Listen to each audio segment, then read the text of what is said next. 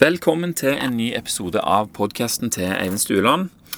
Dette her blir den første av en, ja, kanskje tre-fire episoder om temaet sex og uh, forplantning. Og det starta av som noe helt annet enn hva det har blitt for noe. Tanken var at jeg skulle finne ut for en kamerat hva som kunne være årsaken til at han iblant følte seg litt nummen i forhold til intimitet, som han framstilte det. Han var glad i kona si og alt det der, men når dagen var over og ungene var i seng, så var det litt lite energi igjen til intimitet. Hva for noen faktorer kunne spille inn her? Han er jo veldig sunn eh, type, dette. Han trener jo. og Kunne det være treningsmengden? Kunne det være et ketogent kosthold? Kunne det være stress? Eller kunne det være noe helt annet? Eh, så vi prata litt om dette, her, og jeg kjente at eh, jeg syntes det var interessant. For det er ikke så ofte jeg prater om sex i det daglige med hvem som helst. Og den praten som jeg kom over, den har jeg en liten mistanke om at er overfladisk og gjenspeiler realiteten dårlig. Uh, og jeg er jo uh, mann, så jeg vet at damer snakker mye mer om dette her. Men uh, det som jeg opplever, er at det blir mye å prøve å være normal, på en måte, hvis du fatter. Så jeg så for meg at jeg skulle skrive en liten episode om hva jeg fant ut om dette her, men sånn ble det jo ikke, da. Jeg ramla jo ned i kaninhullet kaninholdet og fant bare mer og mer interessante ting som forklarer hvordan vi oppfører oss, og hvordan vi har det. Så det ble sånn Å, oh, dette må jeg få med, og dette må jeg få med. Uh. Så det ble jo flere bøker og artikler og alt mulig har jo da etter noen måneder ført til at jeg nå føler at jeg kan prate litt om dette her. Så jeg har tatt meg litt sånn god tid med det. Og dette her føyer seg inn under det som jeg vil karakterisere som nyttig å vite litt om. Det er nyttig å vite litt om hva for noen drifter vi har, hvorfor vi har de, hvordan vi tolker de, og hvordan de får oss til å oppføre oss. For når vi vet det, så blir alt så mye enklere. Vi kan se hva det er som skjer, og vi kan handle med overlegg, istedenfor å bli vingla øst og vest av krefter vi ikke skjønner, og ende opp med resultater vi verken har lyst på eller aner hvor kommer fra. Og når vi vet hvorfor vi har disse her følelsene eller driftene eller hva det er for noe, hvor de kommer fra og hva som er hensikten, så blir det som å endelig finne det forsvunne arket med spilleregler. Vi har spilt ludo med, og bare funnet opp reglene etter hvert som behovet melder seg, og det kan jo da selvfølgelig ende opp med å bli ganske forvirrende. Jeg husker godt Gutt. Jeg husker godt første gangen jeg eh, forsto en av disse her reglene og oppdaga hvor mye det var eh, for meg å hente på å kunne tenke om dette her, istedenfor å være et sånn intetanende offer for min egen fysiologi. Jeg var jo ikke nødt til å følge instinkt og drive mitt hele veien. Det var tider der det direkte var upraktisk. Og så lenge jeg visste om det, så kunne jeg jo velge. Og det løsna på det som jeg ikke visste den gangen, var et gigantisk energisluk for meg. Og det førte jo igjen til at jeg fikk tildelt mer spillerom i livet mitt etter dette her. Det var rett og slett sånn det opplevdes. Jeg hadde forstått noe som jeg ikke visste at jeg ikke forsto. En såkalt unknown unknown, som Donald Rumsfeldt eh, kalte det en gang. Søkte opp på YouTube. Eh, altså en ting jeg ikke visste at jeg ikke visste, var gått over til å bli en known known. En ting jeg visste at jeg visste om. Sant? Og det forandrer alt i forhold til hva du kan kontrollere. Og jeg håper jo da at disse episodene her kan gi deg noe av den samme følelsen av kontroll og, og spillerom, enten du er mann eller dame. Men for å forstå spillereglene, så må vi jo selvfølgelig da ta det helt fra begynnelsen. Vi er kanskje moderne mennesker i dag som har vanskelig for å se for oss noe annet, men vi kommer fra naturen, og det er den som har skrevet disse reglene her. Og vi starter der som det ofte starter, med forelskelse. Starten av et forhold er jo fantastiske tid. sant? Alle som har opplevd det, kan vel sikkert si seg enige. Alt handler om hvor bra vi har det, og hvor bra vi kan få den andre til å føle seg.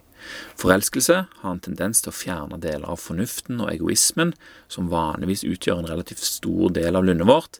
Det er mye sex inne i bildet, hormonene herjer. sant? Det er rett og slett en vidunderlig tid. Men det varer ikke evig, og godt er jo det, for forelskelse er krevende, og det er ikke særlig bærekraftig. Sant? Vi pøser jo på, liksom, og holde oss våkne og eh, Ja, det, det, er mye der som, eh, som ikke, ikke, hadde ført gode ting med seg hvis jeg hadde fått fortsette av levetid. Så en dag så blir det enten da helt slutt, når skylappene er vekke og vi innser at personen vi forguder kanskje ikke passer oss likevel, eller at det intense forholdet har ebba ut i hverdag da, med mer praktiske verdier i høysetet. Da blir det mindre av både blomster og sex, og etter hvert så går det kanskje over i ekteskap eller en annen form for forståelse at vi for øyeblikket deler livet sammen. Sånn utarter det seg for pattedyr som oss, der trofasthet og samarbeid har gitt arten vår fortrinn i overlevelse. Når to personer deler byrden av å fostre opp et barn, så øker dets mulighet for å overleve lenge nok til å sjøl få barn. Og dette er en funksjon av gener, miljø, kultur, tilfeldigheter og flere ting i et sammensurium som det er veldig vanskelig å få helt fatt på. Men det er nå engang sånn at spillet handler om å overleve og videreføre våre gener til neste generasjon. De fleste handlinger og ønsker som vi har, kan, om vi legger godviljen til, oversettes til trangen til å øke vår, vårt forplantningspotensial. Det er jo ikke det vi går rundt og tenker, men det er det som blir funksjonen av det hele. Og For øyeblikket så befinner vi oss i en underfundig situasjon der kroppene våre og måten vi handler på, er tilpassa en helt annen situasjon enn den vi befinner oss i. Evolusjonær mismatch kalles det. Sant? Søk det opp på og les litt om det. er Veldig veldig interessant, og det kan forklare så mye om eh, oppførselen vår, hvordan vi oppfører oss i dag. Kulturen og fornuften vår bestemmer mye over hvordan vi takler å være i denne situasjonen. Og kultur og fornuft det er ting som virker utenfor genene. Sant? Vi klarer oss veldig godt, vi er tilpasningsdyktige. Vi er også gode til å tilpasse miljøet vi befinner oss i etter våre behov. Sant? Vi kjører jo rundt i biler, bygger hus og har kraner og flyr rundt i stålrør i lufta og alt mulig. Og vi kan utføre òg alle mulige slags handlinger overfor oss sjøl og andre som vi har lyst til å gjøre. Og midt oppi dette her så er altså en av de voldsomste driftene vi har, som fortsatt baserer seg på at vi lever ute, sant? med de utfordringene som det bærer med seg. Vi har flytta ut av skogen for lenge siden, vi. Og vi klarer knapt å se for oss at vi er ganske nøyaktig de samme menneskene som levde et nomadisk liv preget av å skaffe mat og trygghet for våre nærmeste, som òg var de eneste vi kjente. Vi var totalt avhengige av de folka, og ville for enhver pris unngå å havne i en situasjon der vi ikke lenger var en del av denne gruppa. For det betyr jo den sikre død. Selv om vi ikke er i den situasjonen lenger, så har vi fremdeles med oss mye av det som preger våre tidligere liv. Vi vet nå at vi kan få oss nye venner, og at, og at, det finnes et hav av andre muligheter for å overleve om ikke vår nåværende strategi skulle vise seg å fungere. Vi vet det, men frykten for å bli alene styrer fremdeles mye av handlingene våre. Vi er besatt av tanken på å blende inn i massene for å ikke stikke oss ut i negativ forstand, samtidig som vi ønsker å stikke oss litt fram for å øke potensialet for videreføring av genene våre. Det er for enkelt å si at genene våre styrer oppførselen vår. Kultur, omstendigheter og tilfeldigheter styrer òg mye, men at genene har en finger med i spillet, er det liten tvil om. Haruki Murakami han sier det på denne måten. Human beings are ultimately nothing but carriers, passageways for genes. They ride us into the ground like racehorses from generation to generation. Genes don't think about what constitutes good or evil. They don't care whether we are happy or unhappy. We're just means to an end for them. The only thing they think about is what is most efficient for them. Og selv om gener åpenbart ikke er noe som vil noe, eller kan skjønne hva som foregår, så kan det være greit å ha denne analogien i bakhodet når vi tenker over hvordan vi ter oss. Det gjør det enklere å forstå, rett og slett. Habitatet vårt er fullstendig forandra fra det vi kommer fra, og det er òg i konstant endring som bare går fortere og fortere. Det gir liten mening at vi skal oppføre oss som om vi lever i huler og, og telt av skinn på jakt etter mat og trygge omgivelser, men deler av oss gjør det likevel. Vi befinner oss som sagt i en situasjon av evolusjonær mismatch. Genene de har ikke fått med seg at vi har flytta ut av skogen. Og lenge så var genenes funksjon i samspill med hvor vi befant oss. sant vel? Dette her også er bare et bilde på det som skjer. Men den tiden her er forbi. Det er annerledes nå. Det er det som er poenget. Noen av disse funksjonene som betød eh, overlevelse en gang i fortida, har nå en tendens til å forvirre oss. Og siden vi ikke forstår hva som skjer, så finner vi bare på en forklaring sjøl. Det er vi gode på, vet du. Fornuften får en trang til å rasjonalisere oppførselen vår, som fører til at vi, kanskje eller kanskje ikke, fjerner oss lenger eh, fra genenes opprinnelige plan. Og når jeg sier plan, så, så, så betyr ikke det at genene sitter inne i cellene våre og sånn 'Nå må vi følge planen', liksom. Altså, det er ikke sånn det fungerer, men det er det som er liksom funksjonen av det hele. Det er mye lettere å, um, for oss mennesker å forstå det hvis vi ser for oss at de har en plan, men det er jo liksom bare eh, et sammensurium av alle tilfeldighetene som har skjedd i generasjonene før oss, som har ført til at genene uttrykker seg på en viss måte. Og vi kan jo oversette det til at de har en slags plan, da. Og planen er å overlevere og videreføre. Overleve og videreføre. Når vi befant oss i naturen, så ordna dette seg sjøl på en annen måte enn det gjør nå. Genene våre og miljøet vi befant oss i, samsvarte. Vi har fremdeles sanser og evner til å plukke opp signaler med om hva som er bra og hva som er en dårlig partner, for å danne et robust genom for vårt avkom. Det er det vi vil ha. Vi vil finne en partner, sånn at vi kan sveise oss sammen, og ut av det så kommer det altså et avkom som inneholder begge vårs eh, deler av begge vårs genom i et individ som er sterkere enn oss sjøl, som har større sjanse for å overleve. Det er liksom planen. Eh, og mange av disse signalene de har vi da klart å fortrenge av mange av de andre verdiene kulturen vår har etablert gjennom de 12 000 årene som vi har fungert i større samfunn enn vi gjorde som sankere og jegere. Og Når jeg sier 12 000 år siden, så betyr ikke det at eh, liksom, det var den dagen det starta, men det var starten på jordbruksrevolusjonen. sant? Uh, så jeg bruker bare det som referanse. I Norge, Det var ingen bønder i Norge for 12 000 år siden. Sant? Og fremdeles lever det jo jegere og sankere rundt omkring i verden som har det på denne måten her. Men det er bare, bare, bare sånn at det, du skjønner at dette her er lenge siden. Individer med robuste immunsystem lever videre til neste generasjon. Ikke bare lever de videre, men de er òg grunnlaget for videre seleksjon av arten. De mindre robuste, som ikke overlever den kalde vinteren eller sykdommen som rammer stammen, er jo da ute av det såkalte genbassenget. De får ikke være med å konkurrere lenger. De er tapt for alltid. Sant? Og Da er det bare disse her mest robuste som er igjen. Så begynner de å blande seg helt til det skjer noe annet. Um, og, og avkom fra nære slektninger f.eks. gir jo mindre robuste immunsystem og øker faren for mutasjoner, som igjen kan gi kreft eller dårlig immunsystem. Og Gjennom årene så har jo både vi mennesker og andre dyr funnet måter å unngå dette her på. Unge hannløver eksempel, de forlater flokken sin for å finne en annen når de når en viss alder. Løver som gjorde det, de fikk barn med løver fra en annen flokk med et annet genom, eller et mer forskjellig genom, og avkommet deres endte opp med mer robuste system enn de som ble igjen å pare seg med slektningene. Og når naturen da presenterte utfordringer for alle løvene samtidig, både den ene og den andre flokken, så var det de som var best egnet som overlevde, og som da var igjen til å videreføre sine egenskaper. Mennesker som f.eks. reide en annen eh, stamme og stjal med seg en dame derfra, fikk avkom med solid genom som tålte både vær og vind og patogener som de ble utsatt for. Og vi kan i utgangspunktet f.eks. lukte oss fram med til en partner som passer med vårt eh, eget genom. Vi kan lukte om vi er i slekt eller ei, og vi kan bruke denne informasjonen til å velge en partner som vil gi oss et robust avkom. Og det gjorde vi òg. Det er ikke sikkert vi tenkte over det, men det ble en effekt ut av det likevel. Lukt som du likte, er bra. Lukt du ikke likte, dårlig. Sammen. Parfyme, p-piller, alkohol og et hav av andre remedier vi har lagt vår elsk på, krasjer jo da selvfølgelig med den egenskapen.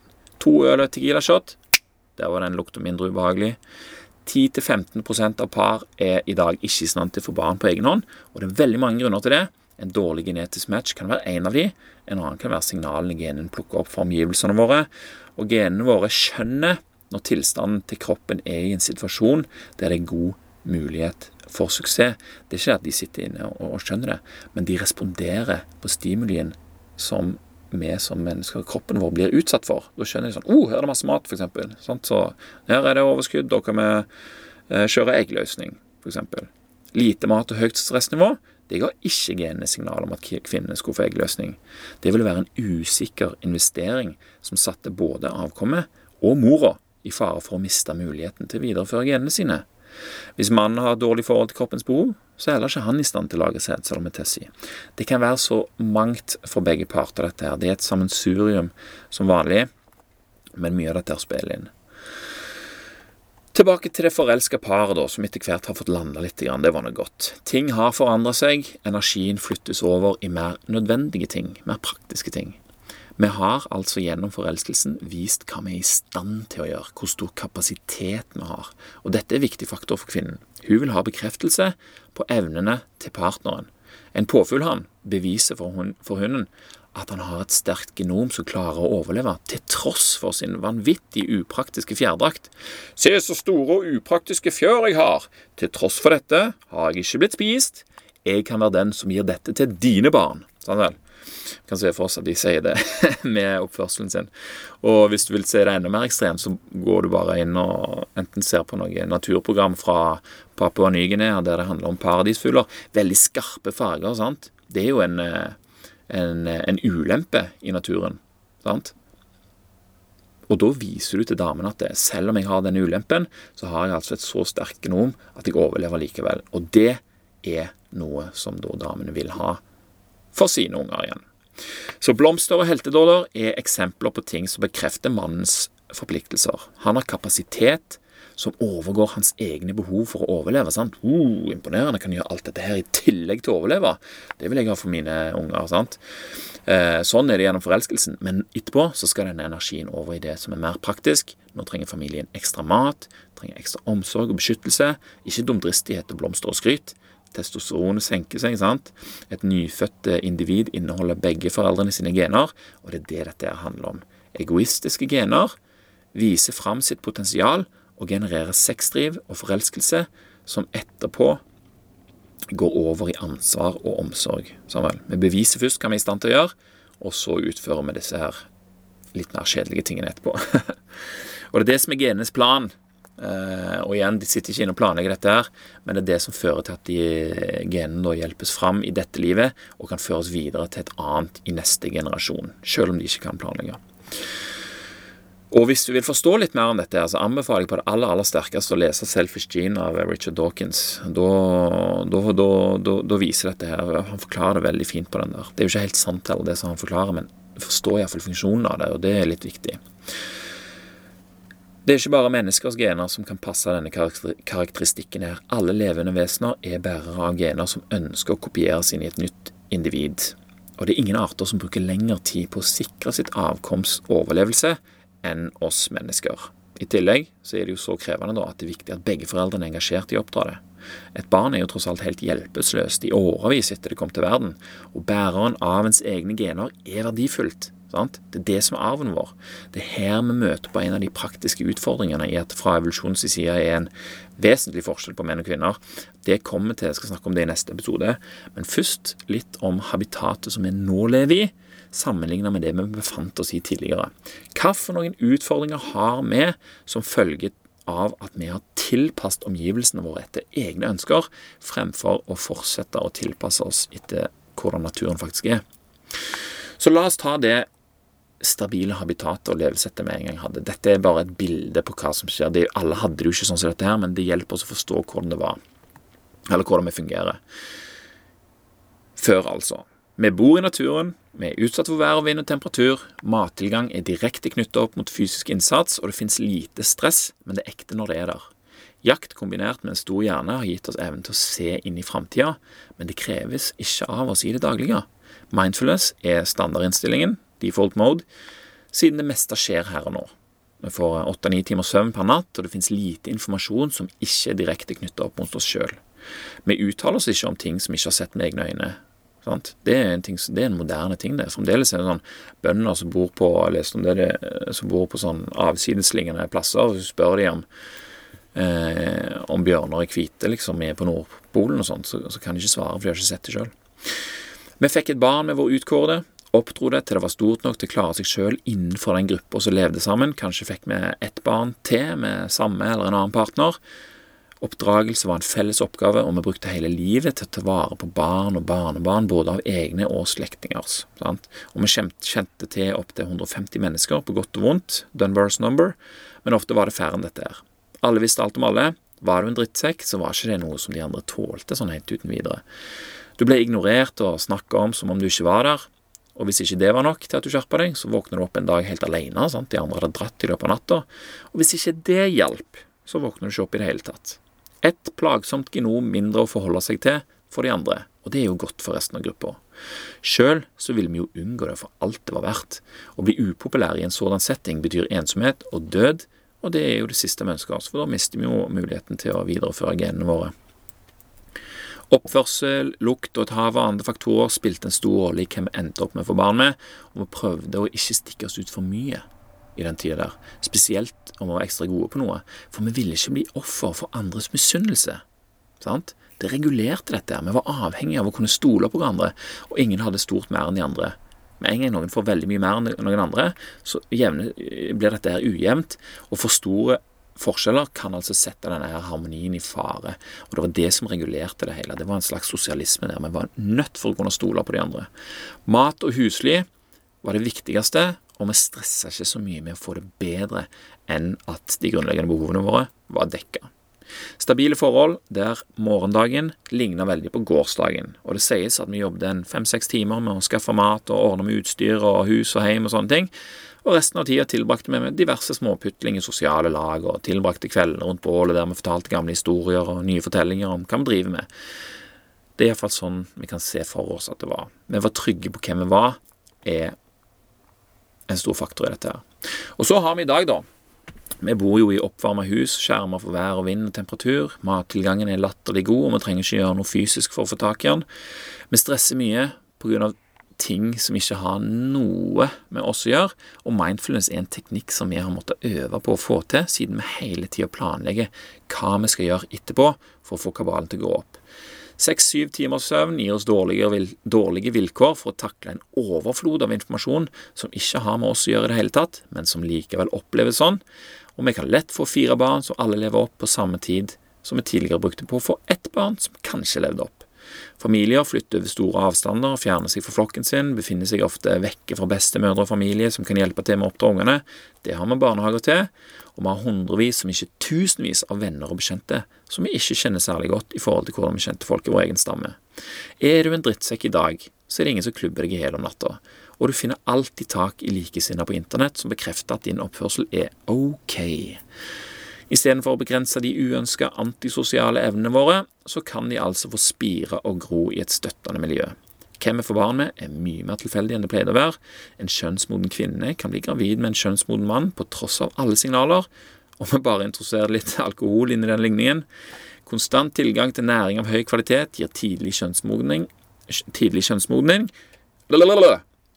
Konstant tilgang til næring av høy kvalitet gir tidlig kjønnsmodning og eggløsning jevnt og trutt. Det er en stor forskjell på hva folk har for noe.